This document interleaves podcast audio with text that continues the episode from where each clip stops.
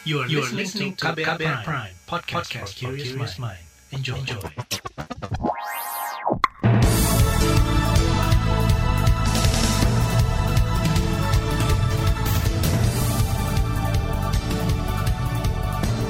Selamat pagi saudara, senang sekali kami bisa menjumpai Anda kembali melalui program Buletin Pagi edisi Kamis 22 April 2021 bersama saya Naomi Liandra. Sejumlah informasi pilihan telah kami siapkan, di antaranya pemerintah diminta percepat vaksinasi lansia. Kapal selam TNI Angkatan Laut hilang kontak di perairan Bali. Guru dan siswa positif COVID-19, uji coba belajar tatap muka di Pati ditunda. Dan inilah Buletin Pagi selengkapnya terbaru di Buletin Pagi. Pemerintah didesak memprioritaskan kelompok lanjut usia atau lansia untuk segera divaksinasi COVID-19. Wakil Ketua Yayasan Lembaga Bantuan Hukum Indonesia atau YLBHI beralasan laju vaksinasi lansia saat ini masih rendah. Penyebabnya, lansia sulit mengakses vaksin, sementara kelompok lainnya yang tidak lebih rentan justru telah divaksinasi. Kalau itu sebenarnya kita belum pernah dapat laporan bahwa lansia takut mendata karena takut efek samping. Bahkan banyak lansia itu ingin divaksin. Tapi memang informasinya tidak ada. Terus saat mereka mendata, pendataannya jelek. Saat mereka sudah didata, mereka harus menunggu lama untuk divaksin karena berebut dengan kelompok lainnya. Wakil Ketua Bidang Manajemen Pengetahuan YLBHI Aditya Bagusantoso menambahkan, rendahnya vaksinasi lansia menunjukkan pengabaian atas hak hidup sehat, perlindungan kesehatan, dan ancaman kematian bagi lansia. YLBHI bahkan menilai pemerintah melakukan diskriminasi dengan mengutamakan kelompok yang bukan rentan untuk mendapat vaksinasi.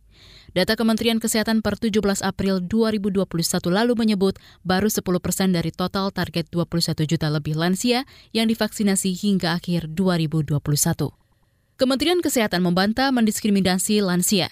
Juri bicara vaksinasi dari Kementerian Kesehatan Siti Nadia Tarmizi menyatakan 70 persen ketersediaan vaksin COVID-19 April ini bakal diprioritaskan untuk vaksinasi lansia. Kata dia, pemerintah mempunyai sejumlah cara mempermudah akses lansia mendapatkan vaksin demi menggenjot target vaksinasi tersebut sekarang lansia itu tidak perlu uh, mendapatkan vaksinasi berdasarkan KTP. Jadi cukup datang di mana pun dia saat ini tinggal ya, mungkin dia lagi uh, tinggal dengan anaknya ya, dan sementara KTP-nya itu berbeda dengan tempat tinggal sekarang. Mereka tinggal datang ya, bahkan uh, tidak perlu membawa surat domisili uh, ke sentra-sentra vaksinasi, tapi jangan lupa mendaftar ya, karena dengan mendaftar itu akan mengurangi waktu antrian, uh, sehingga uh, lansia tidak terlalu lama menunggu Juri bicara vaksinasi dari Kementerian Kesehatan Siti Nadia Tarmizi menambahkan sejumlah daerah seperti DKI, Jakarta, dan Surabaya juga menerapkan strategi dari pintu ke pintu. Strategi itu yakni petugas RT atau RW mendata warga lansia, kemudian berkoordinasi dengan puskesmas untuk memastikan warganya mendapat vaksinasi. Strategi lain, kata dia, pemerintah bekerja sama dengan transportasi online maupun transportasi lain seperti becak dan odong-odong untuk mengantar lansia divaksin. Pemerintah juga terus berkoordinasi mendorong pemerintah daerah yang pencapaian target vaksinasi bagi lansia masih rendah. Ahli penasihat teknis vaksin Itagi mengatakan dampak COVID-19 terhadap lansia lebih berbahaya jika dibandingkan kelompok lain. Menurut anggota Itagi, Kusnandi Rusmil, perlu kerjasama di pelayanan kesehatan paling bawah untuk memastikan lansia mendapatkan vaksinasi COVID-19 dengan mudah.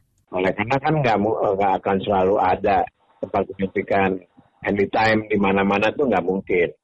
Jadi yang pasti ada selalu itu ada di puskesmas jadi petugas pelayanan publik bekerja sama ya dengan puskesmas ya untuk membawa, membawa eh, petugas pelayanan publik itu lansia.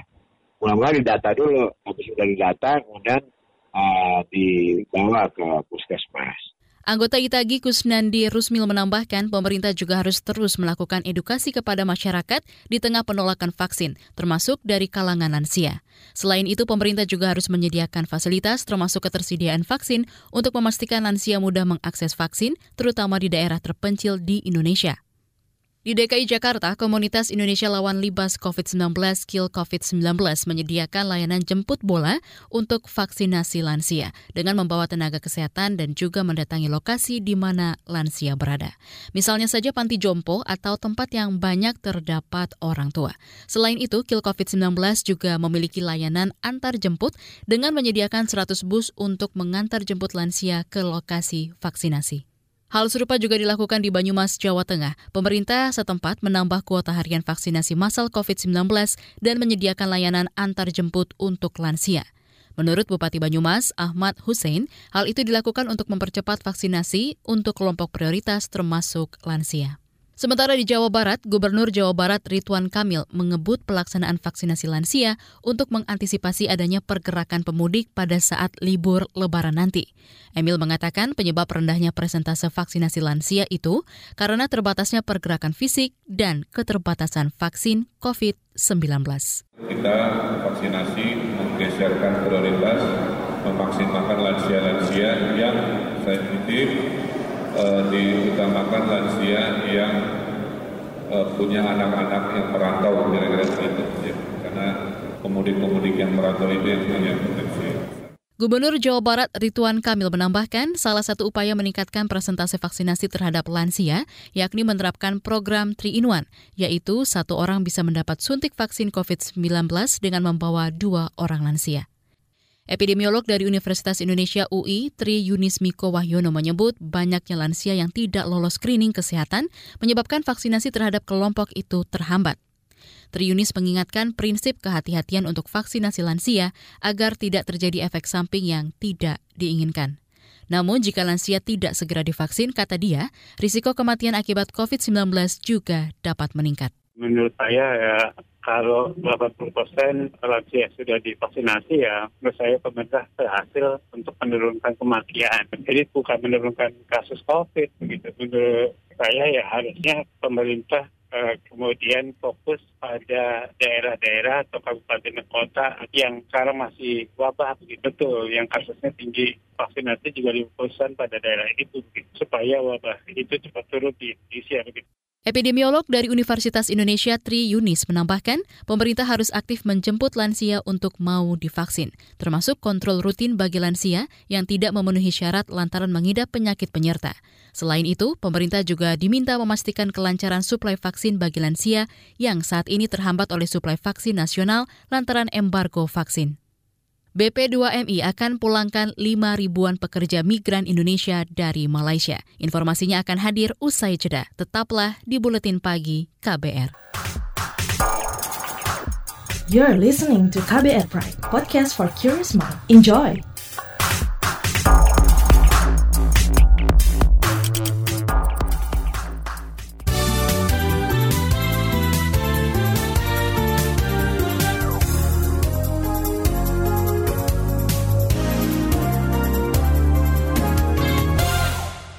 Anda sedang mendengarkan buletin pagi KBR.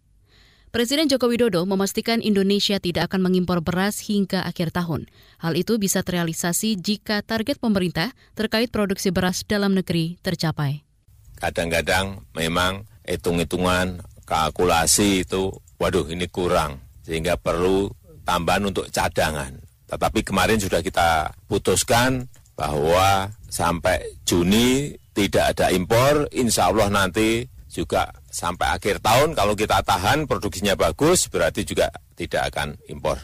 Saat bertemu dengan petani Indramayu kemarin, Presiden Joko Widodo mengatakan tidak suka dengan kebijakan impor beras. Selama ini pemerintah selama ini melakukan impor untuk memenuhi kebutuhan beras dalam negeri yang sering kali tidak tercukupi. Jokowi ingin Indonesia sesegera mungkin melakukan swasembada beras. Kapal selam TNI Angkatan Laut dengan 53 awak hilang kontak saat melakukan latihan di perairan Laut Bali. Kapal selam jenis KRI Nanggala 402 itu dikabarkan berhenti merespon radar sejak kemarin. Juri bicara TNI Angkatan Laut, Julius Wijuyono menyebut Indonesia telah meminta bantuan Australia dan Singapura untuk menemukan kapal selam tersebut. Kapal selam ini merupakan salah satu dari lima kapal selam milik Indonesia dan dibangun di Jerman Barat pada lebih 40 tahun lalu. Bekas Menteri Sosial Juliari Peter Batubara didakwa menerima fee pengadaan bantuan sosial COVID-19 sebesar 32,4 miliar rupiah. Saat membacakan dakwaan Juliari di Pengadilan Tipikor Jakarta, Jaksa KPK menguraikan fee tersebut berasal dari pengutipan dana bansos sebesar Rp10.000 per paket. Uang fee tersebut juga diperuntukkan kepada satu Hartono sebesar 200 juta rupiah, dua Pepe Nazarudin sebesar 1 miliar rupiah, tiga. Adi Wayono sebesar 1 miliar rupiah, empat. Matius Joko Santoso sebesar 1 miliar rupiah, lima. Amin Raharjo sebesar 150 juta rupiah, Rizky 6 Rizky Maulana sebesar 175 juta rupiah, 7 Robin Saputra sebesar 200 juta rupiah, 8 Iskandar Zulkarnain sebesar 175 juta rupiah. Jaksa KPK menjelaskan kronologis pengutipan fee dari dana bansos COVID-19. Mulanya, Juliari menunjuk Adi Wahyono sebagai kuasa pengguna anggaran atau KPA dan memerintahkannya mengumpulkan fee paket sembako COVID-19 di Jabodetabek untuk kepentingannya. Badan Perlindungan Pekerja Migran Indonesia BP2MI akan memulangkan sekitar 5.200 pekerja migran Indonesia dari Malaysia dalam waktu dekat.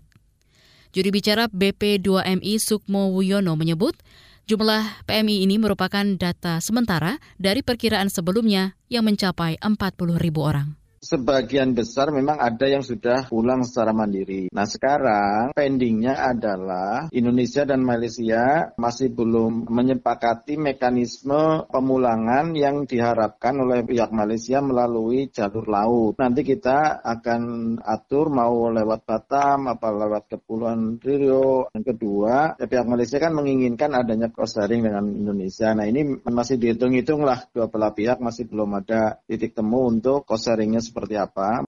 Juri bicara Badan Perlindungan Pekerja Migran Indonesia Sukmo Yuwono menyebut pemerintah Indonesia masih perlu mendiskusikan perihal teknis pemulangan PMI dengan Malaysia, sehingga belum bisa memastikan kepastian tanggal pemulangan dari PMI ini.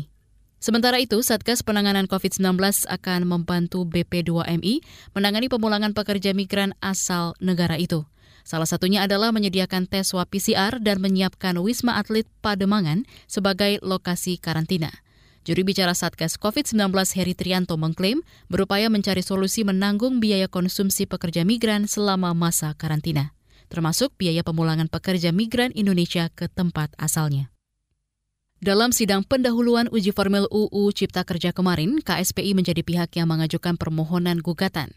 Juri bicara KSPI Kahar S. Cahyono menilai proses pembuatan Undang-Undang Cipta Kerja tak sesuai prosedur dan merugikan masyarakat. Kenapa kami sangat optimis? Uh, sebenarnya bukan hanya uh, pada saat sidang ini.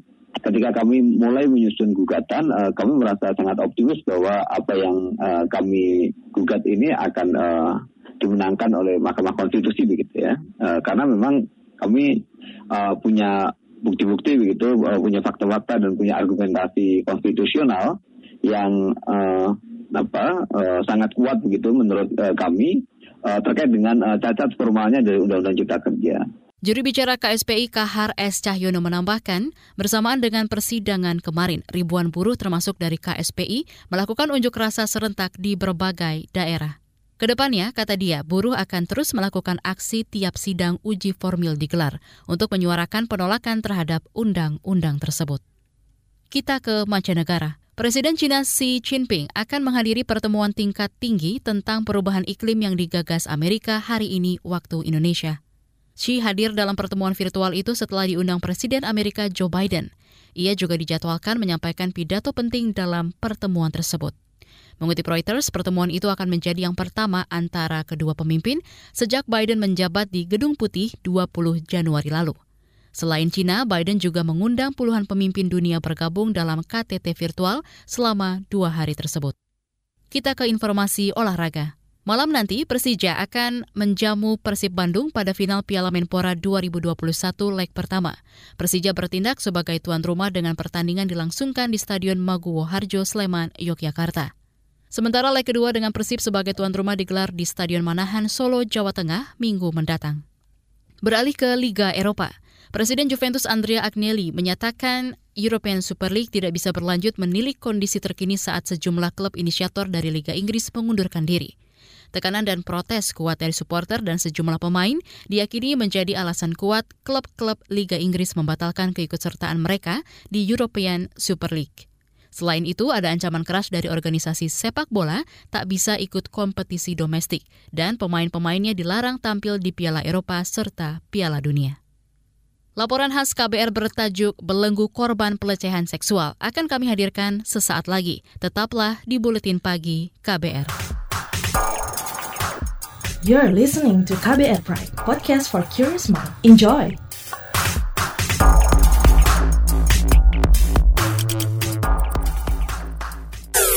Commercial break. Hmm, saya heran dagangan Bulastri selalu laris manis ya? Jangan-jangan dia pakai penglaris nih. Ah, masa iya sih? Ah, saya samperin aja kali ya.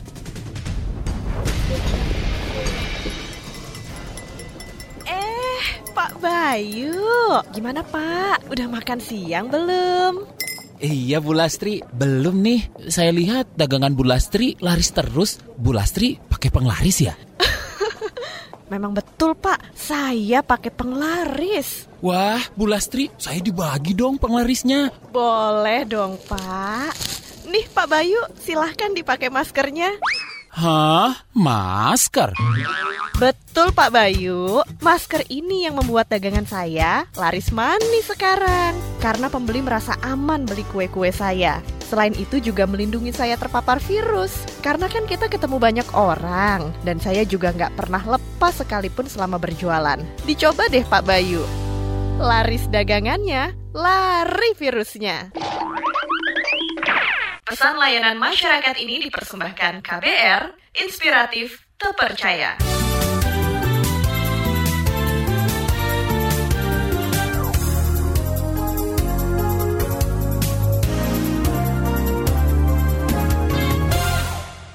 Anda masih bersama kami di Buletin Pagi KBR. Pelecehan seksual masih marak terjadi di negeri ini.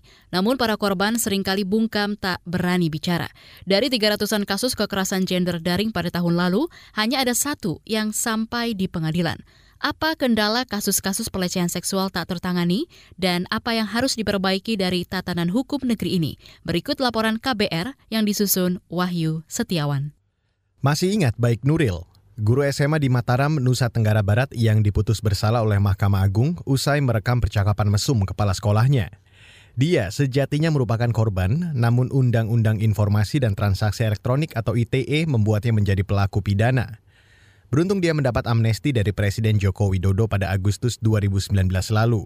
Saat itu ia berharap korban pelecehan seksual berani berbicara agar tak ada lagi celah pelaku mengulangi kejahatannya kalau bisa seandainya ada e, ruang tempat korban seperti saya untuk melapor, mungkin untuk diberikan semacam pendampingan ya, mungkin mungkin seharusnya ada ya di setiap e, daerah. Malahan ya saya ingin buka apa ya konsultasi untuk di rumah ya. Mungkin pengaduan, mungkin siapa yang ingin kalau terjadi ya. Mudah-mudahan saya tidak ingin mudah-mudahan mudah-mudahan itu tidak terjadi kepada perempuan-perempuan lagi di mana pun. Mudah-mudahan. Setahun lebih suaranya menggema dari Istana Presiden, namun masih banyak perempuan lain yang mengalami pelecehan. Bedanya, mereka tak seberani Nuril. Kebanyakan bungkam karena takut.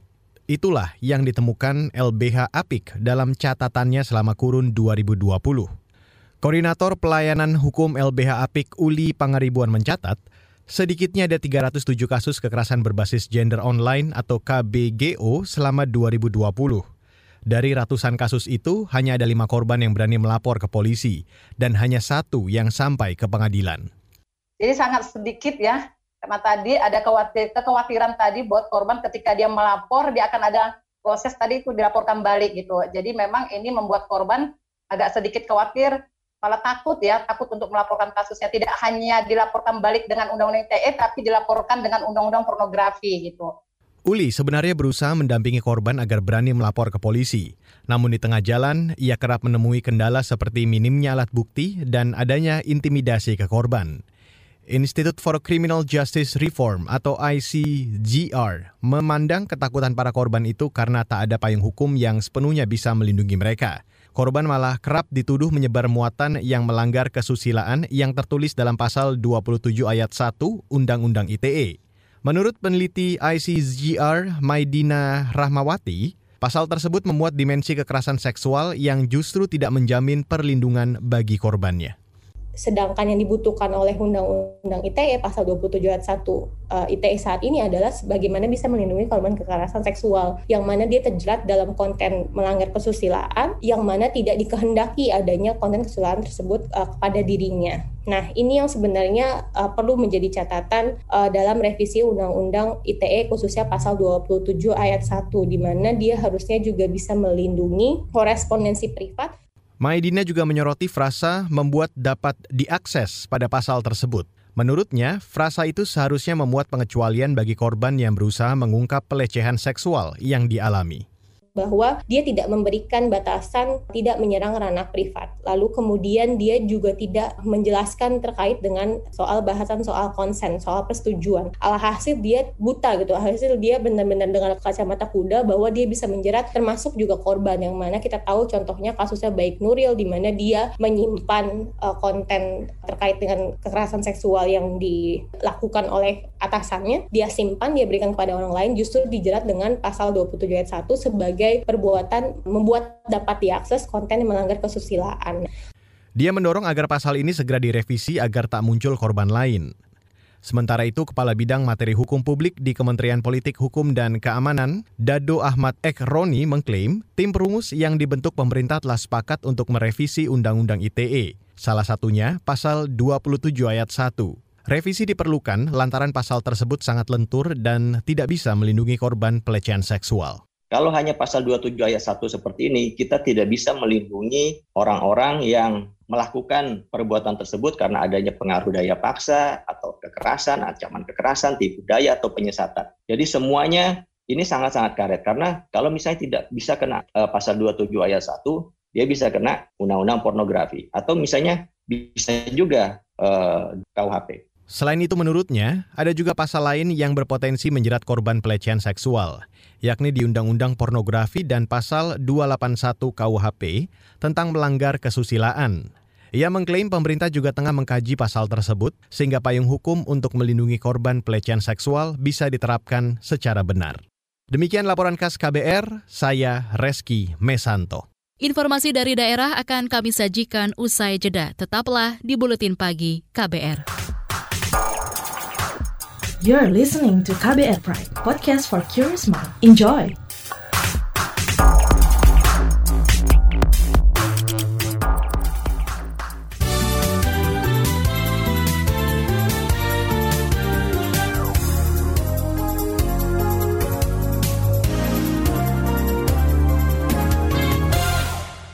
Inilah bagian akhir buletin pagi KBR.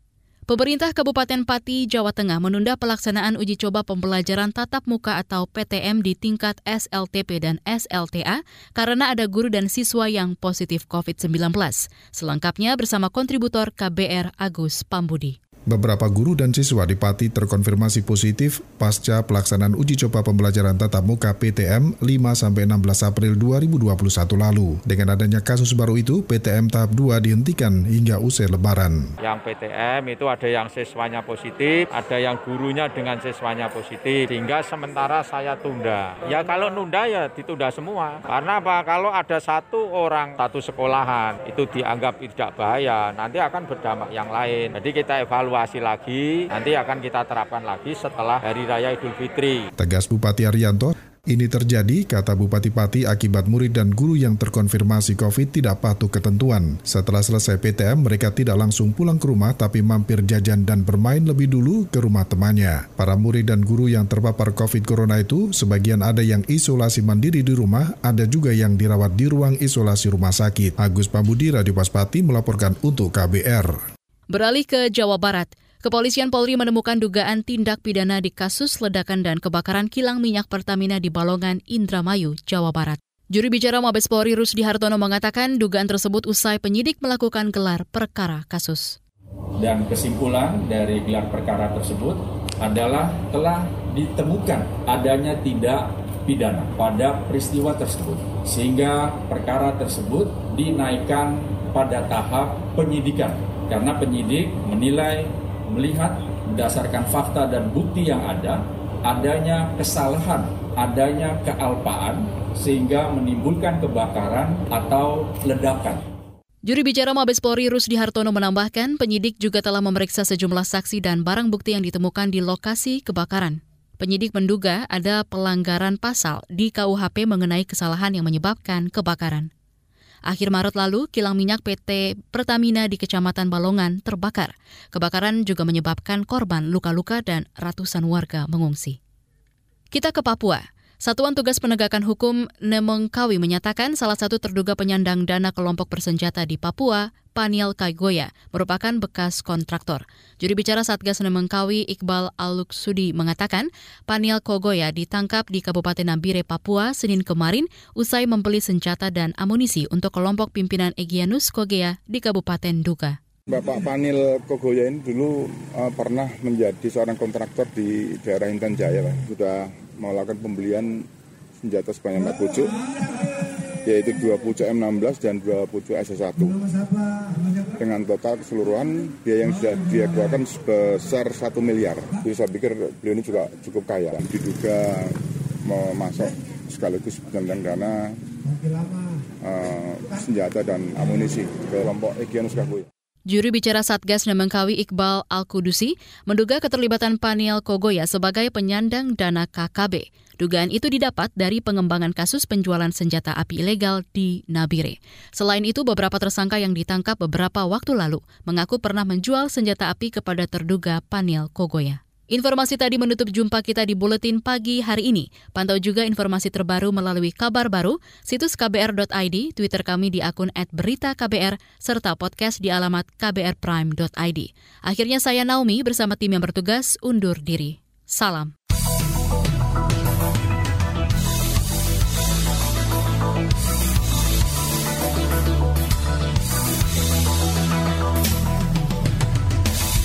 KBR Prime, cara asik mendengar berita. KBR Prime, podcast for curious mind.